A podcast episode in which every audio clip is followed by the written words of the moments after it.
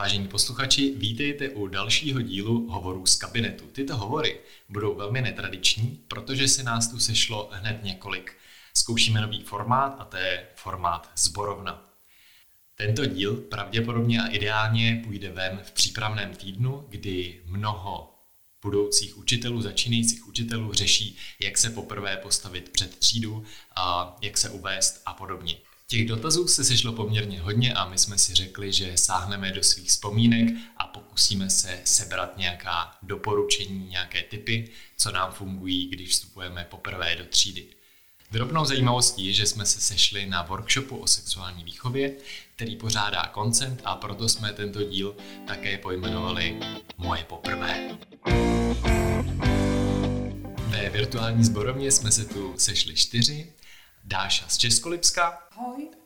Petra z Litoměřicka. Dobrý večer. A Gáby z Prahy. Ahoj. A já taky z Prahy. Rovnou se pustíme do toho. Moje poprvé. Pamatujete si na to, když jste poprvé přišli před třídu jako učitelé? Pamatuju. Ehm, a bylo to na praxi. A bylo to na eh, gymnáziu, které jsem předtím vystudovala. A bylo to u paní učitelky, která mi předtím učila. A bylo to úplně surreální, protože vlastně jsem byla ve stejné třídě, e, ve které jsem se učila před e, několika lety a vlastně jsem o tom ale vůbec nepřemýšlela, o tom, jak tam přijdu, co řeknu, co budu dělat. Přemýšlela jsem o tom obsahu, to mi přišlo důležité, abych měla uh, jako připravený obsah, aby se mi nestalo, že tam nebude co dělat, abych neřekla nějakou hloupost, ale ten způsob, jakým to uvedu, jak budu s těmi studenty komunikovat, uh, jak to tam zorganizuju, ten jsem opravdu řešila ad hoc, když jsem do té třídy vstoupila. A musím říct, že si vlastně z té hodiny pamatuju hrozně málo protože všechno překrylo uh, absolutní vyděšení z toho, že uh, vlastně vůbec nevím, uh, co mám dělat, jestli je vlastně dobré sedět, stát, chodit po té třídě, jestli mám to teď napsat na tabuli, mám někoho vyvolat. Bylo to opravdu těžké. A je zajímavé, že pokud se dostanete do takové situace nepřipravený, tak vlastně úplně zoufale váš mozek hledá Eh, nějaký vzorec, kterého by se chytil a většinou chytí ten vzorec, eh, který má uložený z nedávné doby, to znamená eh, z vašeho studia na nějaké instituci. V mém případě u této paní učitelky, takže jsem vlastně tak od půlky hodiny se začala proměňovat jako v tu paní učitelku. A nevzpomínám na to opravdu ráda. Doufám, že dámy mají lepší zkušenosti a veselější zážitky.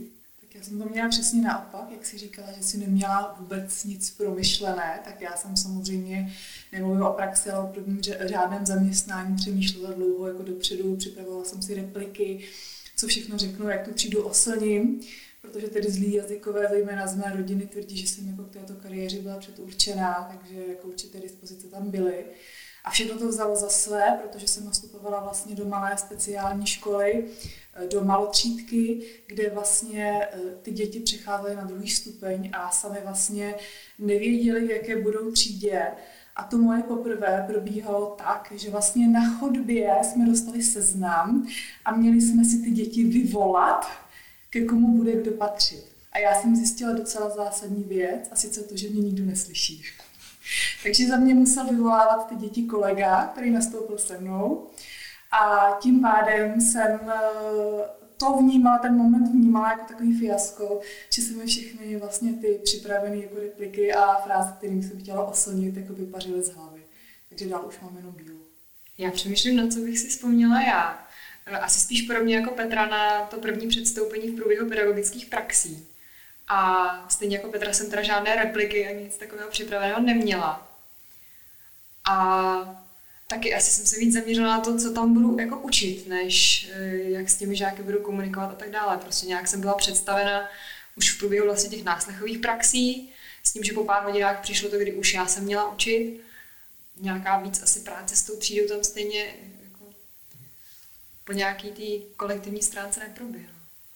Jenom uh, mi Dáša připomněla, když jsem potom nastoupila opravdu do svého prvního zaměstnání, tak uh, jsme nastoupili dvě angličtinářky, obě jsme přijímali se v týmu, která byla rozdělená na dvě poloviny a bylo nám řečeno, že vlastně je jedno, která si vezmeme kterou polovinu, protože prostě uh, ti učitelé už tam nebyli, takže my jsme pokračovali vlastně za ně. A my jsme přišli do té třídy, kde byla celá ta třída a udělali jsme takovou opravdu pitomou věc, že jsme řekli, tak jako nám je to jedno, tak si vyberte. A teď vlastně proběhlo to, že ta kolegyně byla velmi atraktivní blondýna, což já jsem úplně nebyla. Takže tam probíhaly úplně neskutečné diskuze, které eh, byly neuvěřitelně pro mě teda nepříjemné a, a trapné. A vlastně to dopadlo tak, že nakonec uh, se teda jako ty třídy hrály kámen, nůžky, papír o to, kdo uh, bude mít tu atraktivní blondýnu, tu moji kolegyni. A na mě teda zbyla nějaká otrávená skupina uh, lidí, kteří vlastně chtěli možná někoho jiného. Nutno říct, že si myslím, že to pak jako hodně vylepšilo a že vlastně už v průběhu října to bylo takové jako, že hmm, tak ten první den nebyl nic moc, ale, ale teď je to dobrý ale e, nedělejte to. Pokud e, máte e, jakoby možnost si volit skupinu, tak se dohodněte s kolegyní mimo třídu, protože si pamatuju, jak jsme se na sebe koukali docela zděšeně a nedokázali jsme to žádným způsobem zastavit. Máme tedy první, co nedělat. já, když si vemu to svoje, tak já jsem nastoupil poprvé ještě v prváku na výšce a bylo to na školu, kde jsem sám vlastně půl roku předtím odmaturoval a super na tom bylo ironicky, že to byla třída, kde byla moje sestra. A takže nejenom, že to všech, všechno byly předtím jako moji spolužáci, ale ještě tam byl tenhle rozměr. A to je vlastně jediná vzpomínka, jakou na to já mám.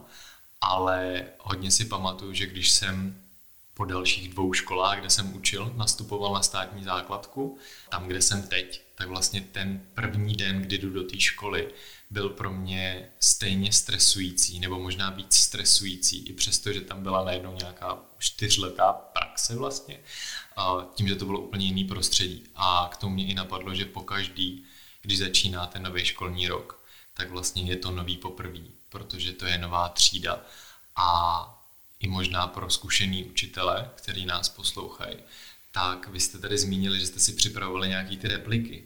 Možná ne ty, ty repliky, které jste použili před těma rokama, ale ty repliky nebo ty postupy, které používáte teď, když přicházíte do nové třídy.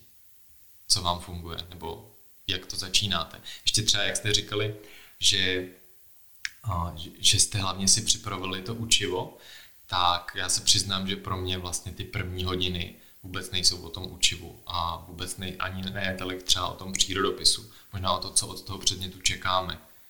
Zajímá mě, nebo chci se těch žáků zeptat, co od toho čekají, chci vtáhnout do toho procesu a samozřejmě pak to klade na mě nějaký nárok v tom, že když oni řeknou, uh, chcem jít ven se koukat na kitky, tak já bych teda v tom školním roce pak měl udělat ten čas na to, aby jsme se opravdu šli koukat na ty kitky. Tak zajímá mě, co děláte vy takhle na začátku. Já většinou eh, první hodinu se teda snažím eh, se s nimi nějak seznámit, vycházíme z předpokladu, že se teda neznáme, že to není třída, se kterou navazuju. A já si strašně špatně pamatuju jména, eh, takže vlastně se to snažím hned tu první hodinu přiznat, že bych je prosila, abyste to nebrali osobně, ale že opravdu jsem na jména špatná. Většinou se mi s železnou pravidelností v každé třídě povede dva lidi trvale přejmenovat, takže jim ještě třeba prostě v lednu říkám prostě Petře, i když se jmenou Dan, protože prostě vypadá jako Petr a, a mě to k ním nepasuje, tak to budí velikou radost. Jestli tenhle pořad má být trochu o doporučení, tak bych jenom dala k dobrou historku, která trochu degraduje takovou tu oblíbenou praxi vytváření jmenovek na stůl, kdy jsem učila na střední průmyslové škole třídu, kde byly samý kluci. Prosila jsem je, aby si udělali jmenovky na lavici, oni moc nechtěli, tak jsem jim říkala, že druhá možnost je, že se aspoň třeba do konce září nebudou převlíkat a budou nosit pořád stejné oblečení, protože tak si to zapamatuju, na to nepřistoupili. A příští hodinu, když jsem přišla, tak mě strašně potěšili, protože všichni měli jmenovku. Než jsem zaostřila a zjistila jsem, že tam všichni mají napsáno Milan. Takže jsem měla ve třídě asi 17 Milanů a uh, protože jsem měla pocit, že jako je fajn přistoupit na tu hru, tak jsem celou hodinu jako milanovala a dávala jsem jim přezdívky jako Milan vpravo vzadu a černovlasý Milan a tak. Což nedělejte, protože to absolutně zruší nějakou perspektivu pro ty jména dál. Takže jmenovka může být e, někdy problém. S jmenovkama mám taky dobrou historku. Eh, když jsem řekla dětem deváťákům, když jsem nastoupila ten rok, napište si na jmenovky tak, jak chcete, abych vás oslovovala. Eh, takže opravdu to vzali velmi do důsledků. Skoro nikdo tam neměl napsáno to, co má v rodném listě. Už je to nějaký pátek, takže pamatuju si třeba, že jeden kluk tam měl napsáno Borat. Takže jsem mu řekla, to fajný a teď tam zezadu napiš, jak se jmenuješ. Takže to naštěstí zafungovalo jako icebreaker, eh, že se mě začali ptát, jestli jsem ten film viděla, že je super a co si o něm myslím a trošku mě tím přijali. Máte nějaký zaběhlý uh, otvírací aktivity, který takhle třeba používáte? Já třeba tam rovnou nastavím to, že budu rád, když se budou ptát, a že každá otázka je dobrá a že špatná otázka je jenom ta, která není položená a vyzvuje k tomu, ať se jako zeptají, na co chtějí, tak zpravidla se mě uh, ty děti ptají, co to mám s okem, uh, tak tím se rovnou dostaneme jako k anatomii, co to teda s tím okem mám, protože mám takovou vzácnou nemoc, ale pak jsou jako takové ty klasické otázky, že jestli mám domácí zvíře, nebo proč jsem se stal učitelem a podobně což mně přijde vlastně dobrý, že to nějak jako nastaví tu atmosféru, jednak toho od začátku si říkáme, je v pohodě se ptát a nemáme se třeba smát za to, na, na co se zeptal ten druhý, ale i, že budujeme nějaký vztah, že nejsem jenom ta mluvící hlava, která tady něco jim jako říká, ale že jsem taky člověk stejně jako oni. Já dělávám pravidelně s novou třídou na začátku uh, aktivitu, kterou nazývám čísla, ale Nemá to žádný strašně sofistikovaný jiný název.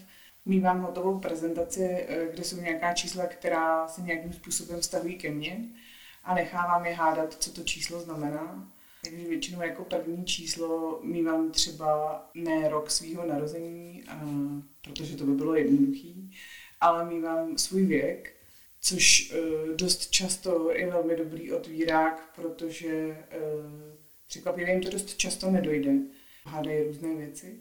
Pak tam mývám 10 plus 1, což bývá, že u nás doma je 10 koček a jeden pes. To většinou uh, probíhá jakoby další icebreaker. Pak tam mývám 4V plus 1, což uh, znamená, že mám čtyři děti. Pak všichni hádají to V. Moje všechny děti se jmenují, na, začínají jejich jména na počáteční písmeno V. A plus jedna je teda manžel, Z, ale uh, nesouvisí. A potom, když tam bývají nějaká jako další čísla, tak uh, vlastně chci po nich čísla. Uh, jakoby nějaká dvě čísla, která charakterizují je. Osvědčilo se mi to celkem dobře, protože oni se už docela znají mezi sebou většinou, uh, nebo taky ne, ale když se znají, tak dokážou sami hádat, jak to číslo s nimi souvisí. Uh, nebo úspěšně hádám já, tím, že jsem poměrně imaginativní, tak, eh, tak eh, je to docela dobrý otvírák, který jako schodí takovou tu koženou atmosféru a takové to kolečko, tak teď si každý o sobě něco řekneme, jako, eh, které stejně nikdo moc neposlouchá a jenom se každý bojí, až na něj dojde řada, tak to se mi osvědčilo. Nebo můžete tam dát třeba nějaký obrázek nebo cokoliv, prostě co vás nějakým způsobem charakterizuje. Uh, by the way, Kahoot na to má dokonce šablonu, která se jmenuje Meet Your Teacher, kde to můžete jenom uh, si trošku jako přeskládat tak, jak potřebujete. Máte to asi za čtvrt hodiny hotové. Tak to dáme do popisku. Mm-hmm. Mně se třeba osvědčila aktivita u třídy, která se nezná, tak eh, jsou venové diagramy, asi znáte, kde mají vlastně ve skupinách hledat, co mají společného, co nemají společného. A pokud eh, se neznáme vlastně eh, ani, ani třída, nebo pokud se třída zná a neznají mě, tak používám něco podobného, jako máš ty, to jsou vlastně tři věty, tři tvrzení. Každý o sobě má říct tři tvrzení a jedno z toho je nepravda. A já se musím pochlubit, že používám, samozřejmě pokud s novou třídou, dokola tři tvrzení, který opravdu nikdo zatím ještě neuhád, žádná třída, takže můžeme to zkusit. Jedno moje tvrzení je, že jsem letěla už třikrát balónem.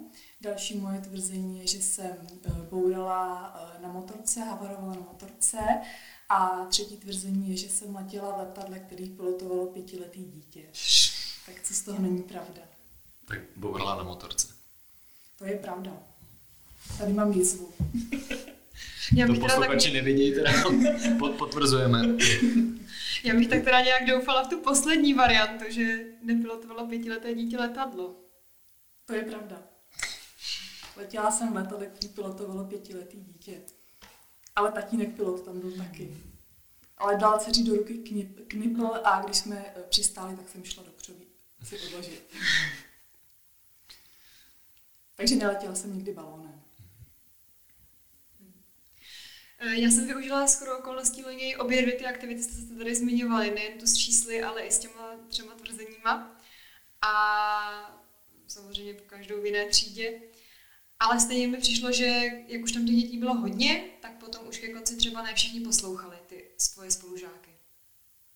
Hm, možná třeba rozdělit do menších skupin, aby si to říkali navzájem a pak jenom řekli hmm. skóre, kdo třeba nahádal jako nejvíc věděl. Tak já jsem, oni se si mezi sebou znali, já jsem chtěla, abych já si o nich něco zapamatovala. A to bohužel v počtu těch 29 dětí už prostě pro ně bylo dlouhé.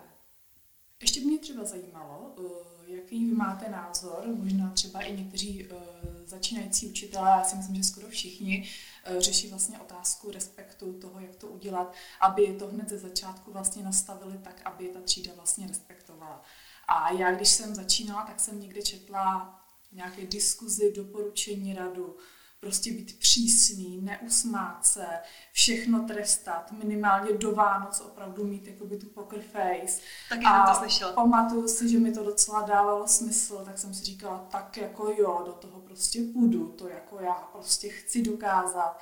Ale absolutně mi to nebylo vlastní, takže jsem to nedokázala. Myslím si, že každý učitel asi by měl být autentický a i ty děti by, by to tak měly vlastně jako pochopit a přijmout to vnímám úplně stejně. Já jsem přesně tuhle tu poučku slyšela, ale já si myslím, že po každý do té nové třídy vcházím už s tím úsměvem, takže tohle mi naprosto není vlastní. Já jsem to otočil, když jsem právě nastupoval na tu státní základku a ještě jsem dostal uh, jako druhou, no, takovou tu půlku na angličtinu, uvozovky, tu horší, jo, tu zlobivější. A říkal jsem si, jako když už tak už, a do té do třídy jsem přišel s tím, uh, jako aby jsme ten aby jsme budovali respekt a ne prostě, aby jsme pracovali s tou vnější autoritou. Když jsem řekl, hele, myslím si, že jste vlastně už jako dost velký na to, aby jsme si k sobě přistupovali rovnoceně a rovnou na začátku jsem jim řekl, že prostě k mý práci nepatří dávat poznámky a dávat tresty, ale a přiznal jsem, že se do toho pouštím jako do nějakého pokusu, kterýmu ale věřím a že to bude na nás, jako všech vlastně, jestli, jestli tohle může zafungovat. A je pravda, že pak jako během podzima trochu vygradovala situace a pak mě při hodině, na který jsem měl náslech, praktikantky z pediáku, jedna studentka, jedna žečka vyfakovala, ale pak se to zase jako dost zlepšilo a na konci uh, mi do zpětní vazby napsali větu, která mám jí vypálenou do hlavy a hrozně mi připomíná to, co si řekla ty, Dáš. A to bylo, na začátku jste u nás neměl autoritu, ale pak jsme vás začali respektovat. Prostě protože jsem tam udržel přesně to, že jsem tam jako nedal, nedával ty poznámky a že jsem se s nima snažil komunikovat jako s rovnocenýma partnerama. A zároveň ale třeba na začátku, i když se snažím vytvořit jako tu kamar, kamarádskou, jako pohodovou atmosféru v tom, že si teda řekneme o sobě něco jako zajímavého, zábavného, tak zároveň ale říkám, jsou prostě věci, přes který u mě nejede ten vlak. A to je třeba posmívání se sobě navzájem. Nebo to, že když někdo řekne něco blbě, tak to není ta chvíle, kdy se jako máme posmívat, ale naopak tohle se má dít v té škole. Jako tady jsme od toho, aby jsme dělali ty chyby, ze kterých se učíme. A pak, když třeba tyhle situace nastávají, tak jako měním tón hlasu dost výrazně na to, aby se jasně oddělilo, že tady už tohle prostě neděláme. Já musím říct, že si myslím, že vlastně pořád jako fungují v takových cyklech, to, o čem ty jsi mluvil, trošku, že eh, vlastně si to snažím nastavovat jako nějak přátelsky, ale velmi často, nebo skoro s každou třídou se mi stane, že v průběhu toho školního roku nastane nějaký moment, kdy to potřebuji vracet zpátky, kdy prostě zjistím, že to jako ujíždí hodně. A vlastně až asi minulý rok jsem si uvědomila, že vlastně hodně používám větu, když se to snažím jako mířit, jako já respektuju vás, vy respektujte mě. A, a oni se mi právě stalo, že e, ty děti to vzali jako mantru, že když jsem řekla, já respektuju vás, tak oni začali dořekávat, jo, jo, my víme, e, vy respektujte mě. A fungovalo to jako dobrá stopka. Já bych ještě k tomu chtěla říct, co jsi říkala ty, že vlastně já na konci té své prezentace s těmi čísly mývám nějaká jako trochu pravidla nebo prostě něco, co platí jakoby v mé třídě, co uh, já si představuju. A to první pravidlo bývá, že můžou jíst a pít. To je většinou jako úplně první obrovský halo, který uh, nastane, takže si to nějakým způsobem vyříkáme. Pak tam jsou ještě nějaká další pravidla. A to poslední pravidlo je, že pokud chtějí, tak mi můžou říkat Petro a můžou mi tykat. Já učím teda na gymnáziu. A s tím, že vlastně to nastavuju tak, že já bych si moc přála, abych jim mohla tykat, ale e, protože vnímám, že kdybych já jim tykala oni mi vykali, tak ta naše pozice nebude rovná, tak pokud chtějí, tak mi můžou uh, tykat zpátky, ale nikoho do toho nenutím, každý ať si dělá, jak je to příjemné.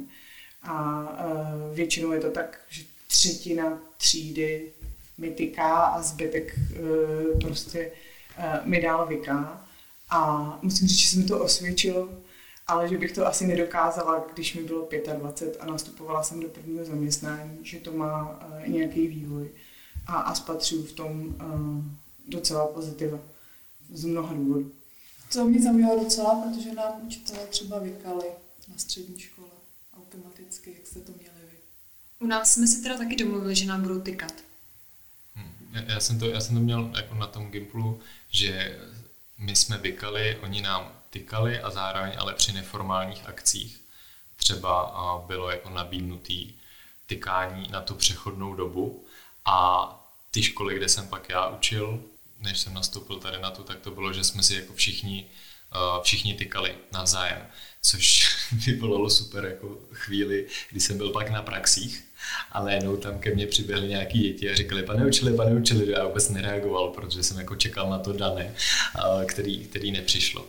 A mě, mě by teda jenom k tomu, co si ty, Petro, říkala, jak to, jak to máš vyřešený třeba s kolegama. Jestli oni to mají takhle stejně, nebo jestli to tam vyvolává nějaký pnutí. Myslím si, že to nikdo stejně nemá.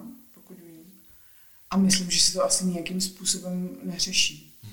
Jako uh, musím říct, že vlastně, ačkoliv tam většinou po té, co uh, to studentům nabídnu, proběhne i nějaký jako takový období, kde to trochu jako zkoušej, jakože jsem na chodbě nejzdravenější učitelka, jenom aby se prostě ukázalo, že prostě týhle tý neříkáme dobrý den, ale říkáme jí ahoj. Takže vlastně to je asi možná jediný způsob, který to kolegové jakoby můžou vnímat. Musím uh, říct, že se mě na to nikdo z kolegů nezeptal nikdy, jakože uh, že vlastně hele, oni ti tykají, nebo jak to je. Takže je to taková vlastně taková podzemní věc, která já jako asi nepovažuji za nutné to nějakým způsobem řešit v tom sboru a ten sbor nevím, co si myslí, ale nepovažoval to rozhodně doteď jako za nutné řešit se mnou. A je pravda, že zase ale děti nebo i studenti, mladí lidé prostě mají e, docela cit pro situace. Takže prostě nás je v kabinetě pět a když za mnou někdo přijde, tak většinou pod vlivem toho, že tam ty ostatní kolegyně jsou, tak mi vyká, i když za normálních okolností mi tyká. Já to nějakým způsobem neřeším, ale myslím si, že tím, že tam prostě sedí další čtyři učitelky, tak automaticky naskočí do toho módu uh, vykacího. Fakt to nevnímám jako problém, přijde to vlastně čím dál tím přirozenější, že, že jsem Petra. Uh, možná umocněné tím, že uh, jsem docela dlouho, mám aprobaci angličtinu, základy společenských věd, ale docela dlouho jsem učila jenom angličtinu, kde je to takový jako přirozený, že že prostě uh, ten teacher je hrozný a jako hey teacher, leave us kids alone, tak to, to úplně nemám ráda. Takže ta Petra tam byla úplně jasná. Já jsem vlastně několik let pracovala mimo školství ve firmě, kde jsem byla zvyklá, že se všichni oslovujeme křesným jménem, tykáme si a nadřízení nám vykají a my jim samozřejmě, ale taky nás oslovují křesným jménem. Na to jsem si zvykla, přišlo mi, jako velmi, přišlo mi to velmi příjemný, subjektivně. Takže jsem se chtěla zeptat, jak to máte třeba ve zborovně, s tykáním, s vykáním a i s nadřízenými. Já za sebe můžu říct, že eh, vlastně se všemi si tykáme, ale eh, třeba eh, náš pan ředitel mě oslovuje paní učitelko. Což bych byla raději, klidně zůstala u vykání, ale kdyby mě oslovoval třeba tím křesným jménem. Tak to já musím říct, že u nás teda s kolegy se všemi si tykám a pan ředitel teda mě oslovuje křesným jménem Gáby, dokonce si i zapamatoval, že nemám ráda oslovení Gábina, říkáme opravdu Gáby, ale vyká. My to vlastně máme přesně tak jako tykání a s vedením, jako s panem ředitelem, je to, že oslovujeme, voláme Františku a vykáme a takhle je to i jako zpátky. Že když mě píše mail, tak je to dané, mohl byste třeba a, a takhle. Bych to možná vrátil zpátky k těm jako prvních moje poprvé rady a k tomu teď začne přípravný týden. Co byste poradili těm, těm začínajícím učitelům, který jako poprvé, který poprvé přicházejí? Já bych poradila najít si nějakýho kámoše, který už učí.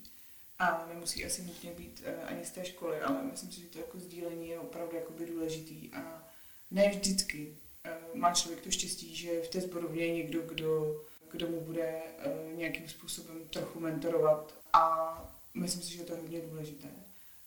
A druhá věc, to znamená, nezůstávejte v tom nějakým způsobem sami. Jo? I, I možná mi nepřijde špatný jako uh, uh, naznačit, že jako uvítám pomoc. Jo? Že, že většinou ty zborovny jako učitelé nebývají úplně nastaveny na to sdílení, nebo taková je moje zkušenost, ale možná, když se tomu trochu otevřete, tak to dokáže přijít, to je jedna věc. A druhá, uh, zkuste si fakt jasně definovat pravidla pro sebe, co v té třídě chcete. Jako co, co je pro vás přijatelné, co je nepřijatelné. Myslím si, že je nemusíte těm dětem nebo studentům jako extra sdělovat, ale mít je prostě nějak v sobě, v sobě ukotvené, co už je prostě absolutně no go a co by pro vás měla být nějaká stopka, aby se vám to prostě nerozjelo někam, kam fakt nechcete. Takže uh, to bych si udělala. A já jsem si myslím, první rok jsem to rozhodně neudělala a další roky jsem si to na desky svého sešitu třeba připisovala, i když to byly takové jako strašlivé uh, věty typu jako když máš černou sukni, tak uh, nepíš křídou, protože ta sukně prostě bude, jako to jsou jakoby, dejme tomu, tohle je úsměvná maličkost, ale věci, které vás dochází v té hodině jako absolutně rozhodit úplně z konceptu a myslíte jenom na to, že ta sukně vypadá, když jste vylezli z mlínice, není prostě dobrý. Zamražuj si monitor, když si otvíráš soukromou poštu. Samozřejmě. No tak já třeba vys, ta moje historka s tím seznamem a vyvoláváním určitě není od věci hlasová průprava. Mě trvalo dlouho, než jsem se vymluvila, než mě třeba přestaly bolet hlasivky po práci. Eh, takže to, pak jsem si opožděně vzpomněla na pedáku, kdy jsme měli vlastně hlasová lekce, že to vůbec nebyla, nebyla špatná věc. Potom další věc, co mě třeba osobně překvapilo, nebo překvapilo, slyšela jsem, že vlastně učitel si po pěti letech zautomatizuje jakoby svoji práci a už potom jsem to já tak pochopila, že je v klidu. Tak u mě se to absolutně nestalo, spíš jsem měla dojem, že je to pořád víc a víc, co, co se nabaluje a co vlastně nezvládám. A těch metod je tolik a tolik věcí, které jsem ještě nevyzkoušela. Takže moje rada asi by byla, nesnažte se vstřebat všechno, je to nemožné, vyzobejte si pro sebe ty metody, které vyhovují vám, třeba tři aktivizační metody nebo dva icebreakery třeba, které budete točit a po půl roce, po roce je můžete vyměnit. A třetí rada, určitě chlebíčky v přípravném týdnu nic neskazí. Jak myslíš do zboru? Do zboru, ano. Mně napadá už jenom to, co tady zaznělo, že i když jste třeba slyšeli nějaké poučky, jak na té první hodině se chovat, jak tam před ty žáky přestoupit, tak eh, to využít pouze v případě, že vám to sedí. Nesnažit se tlačit do něčeho, co tak necítíte. No. Mně přišlo dobrý, co jsem si vlastně první rok určitě nezvědomila, ale potom jsem to začala dělat, že vlastně uh, jsem si ustalila větu, kterou do té, kterou do té třídy vcházím. To nebylo nějak programový, ale uh, vlastně teď to vnímám jako takovou kotvu, kterou na ten začátek mám Takže říkám, dobrý den, ráda vás vidím. A to je taková věta, která mě jako navlíkne do té učitelky, že, že jsem opravdu jako by vlezla do té třídy a my jsme tady dneska dělali nějakou takovou trochu show a myslím, že jsem to taky řekla na začátku, e, jako že jsem tady učila kolegy a i tak jsem, i když jsem je viděla celý den, tak jsem to vlastně zopakovala, což jenom ukazuje, jak moc je to nastavení té role, kterou tam přece jenom jakoby hrajem, hmm. jakoby před tou katedrou. Tak je to prostě moje takový jako oblíknutí do toho pracovního pláště.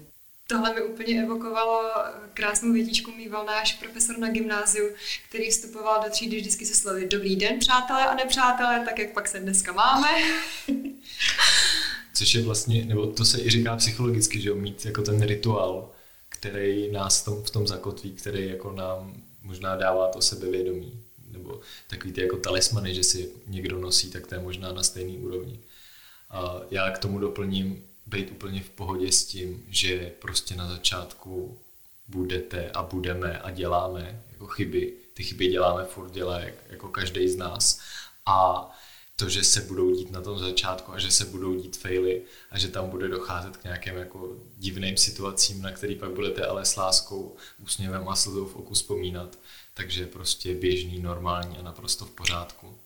A k tomu je podle mě dobrá poznámka, že z mojí zkušenosti pokud dokážete otevřeně přiznat a reflektovat svoji chybu, tak mně se nestalo, že by to ty děti neocenili. Většinou to jako velmi jako ocení, jakože je pančulko, vy jste to nevěděla a to nám takhle řeknete. A říkám, no. A už prostě se to stane s plnou součástí, jako normální součástí té naší práce, takže to mi přijde jako by dobrý. Já vždycky říkám, náš ústav se omlouvá. Super, tak díky moc za váš čas. Díky vám posluchačům, že jste tenhle díl doposlouchali. Pokud se vám líbil, tak o něm určitě dejte vědět na sociálních sítích nebo napište hodnocení do Apple Podcast a zanedlouho se můžete těšit na klasické hovory z kabinetu. thank you